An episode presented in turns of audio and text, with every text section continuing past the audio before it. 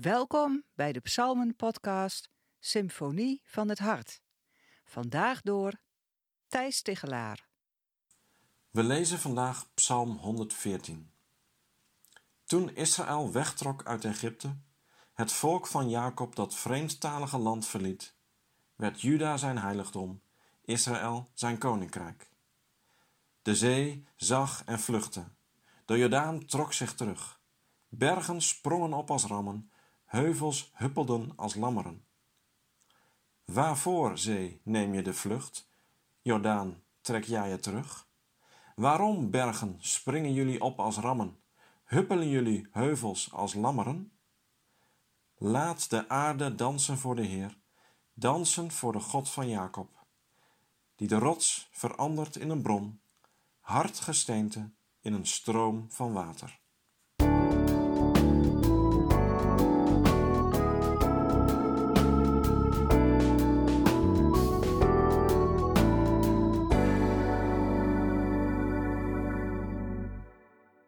Een zendeling vertelde mij eens hoe hij als Nederlander in Frankrijk na tientallen jaren nog steeds een buitenstaander was.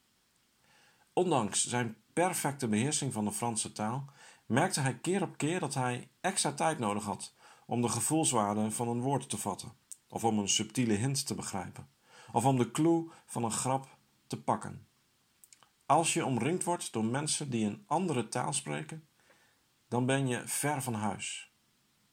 Zo was het volk Israël ver van huis in Egypte. Psalm 114 beschrijft hoe Israël uit Egypte wegtrok en gebruikt dan de uitdrukking dat vreemdtalige land. Oké, Israël was daar ver van huis, maar was taal nu echt het grootste issue in Egypte? De woorden waarmee de Exodus in deze psalm wordt beschreven zijn nogal merkwaardig.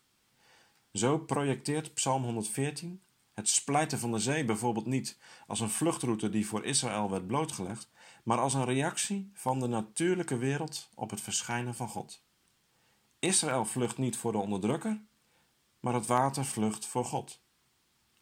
Het verhaal wordt duidelijk anders verteld. In Exodus gaat het over één berg, de Sinaï, die beeft. Hier in de psalm gaat het over bergen, meervoud, die opspringen. In Exodus gaat het over water dat uit de rots vloeit, maar hier in de psalm lees je dat harde steen in water verandert. Waarom vertelt deze psalm het verhaal zo anders? Mogelijk is het doel ervan om de Israëlieten die ver van huis zijn vanwege de ballingschap aan te moedigen om terug naar huis te gaan. Ze worden in Babylonië misschien niet zo slecht behandeld als ooit hun voorouders in Egypte, dus echte bevrijdingstaal is misschien niet zo appellerend. Maar Israël was ten tijde van de Exodus niet alleen bevrijd van de slavernij in Egypte, maar ook bevrijd tot een leven met Gods aanwezigheid in het beloofde land. Hij zou daar zelfs zijn woonplaats maken. Een wereldschokkende gebeurtenis, waar de hele natuur van opschrikt. Misschien moesten de Israëlieten in de ballingschap daaraan herinnerd worden dat die wereldschokkende bevrijdende aanwezigheid van God nog steeds bij hun volk en hun land betrokken was. En omdat ze geen grote leider als Mozes meer kenden, hadden ze misschien wel een extra zetje nodig. In het eerste vers wordt dan ook prikkelend gedaan alsof het initiatief voor die uittocht uit Egypte van Israël zelf kwam, maar dat ze gaandeweg ontdekten dat de Heer voor hen uitging om uiteindelijk in de laatste verse van de psalm te concluderen dat de hele aarde moet dansen voor de God van Jacob. Want in zijn aanwezigheid zal zelfs de meest ondoordringbare hardheid wegvloeien als water. Door deze compositie leest de psalm als een uitdaging. Kom in beweging en ontdek gaandeweg hoe God voor je uitgaat, terwijl jij terugkeert naar het land wat de Heer je beloofd heeft. Wij hebben vandaag misschien geen landbelofte zoals het volk Israël dat had. Maar als mensheid in zijn geheel zijn we ver van huis. We zijn de taal van zorg voor de schepping verleerd en horen om ons heen voornamelijk het economische geleuter van Babel.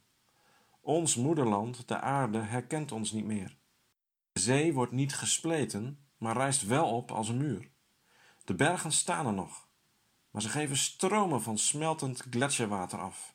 Het is Psalm 114, maar dan omgekeerd. Toch mogen we ook in deze situatie hoop putten uit de eerdere bevrijdingen die onze God heeft gegeven.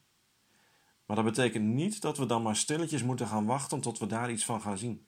Nee, kom in beweging en ontdek gaandeweg hoe God voor ons uitgaat, terwijl wij wegtrekken uit het land van verspilling en uitputting. Ga dus vandaag nog aan de slag met een extra inspanning om duurzamer te gaan leven.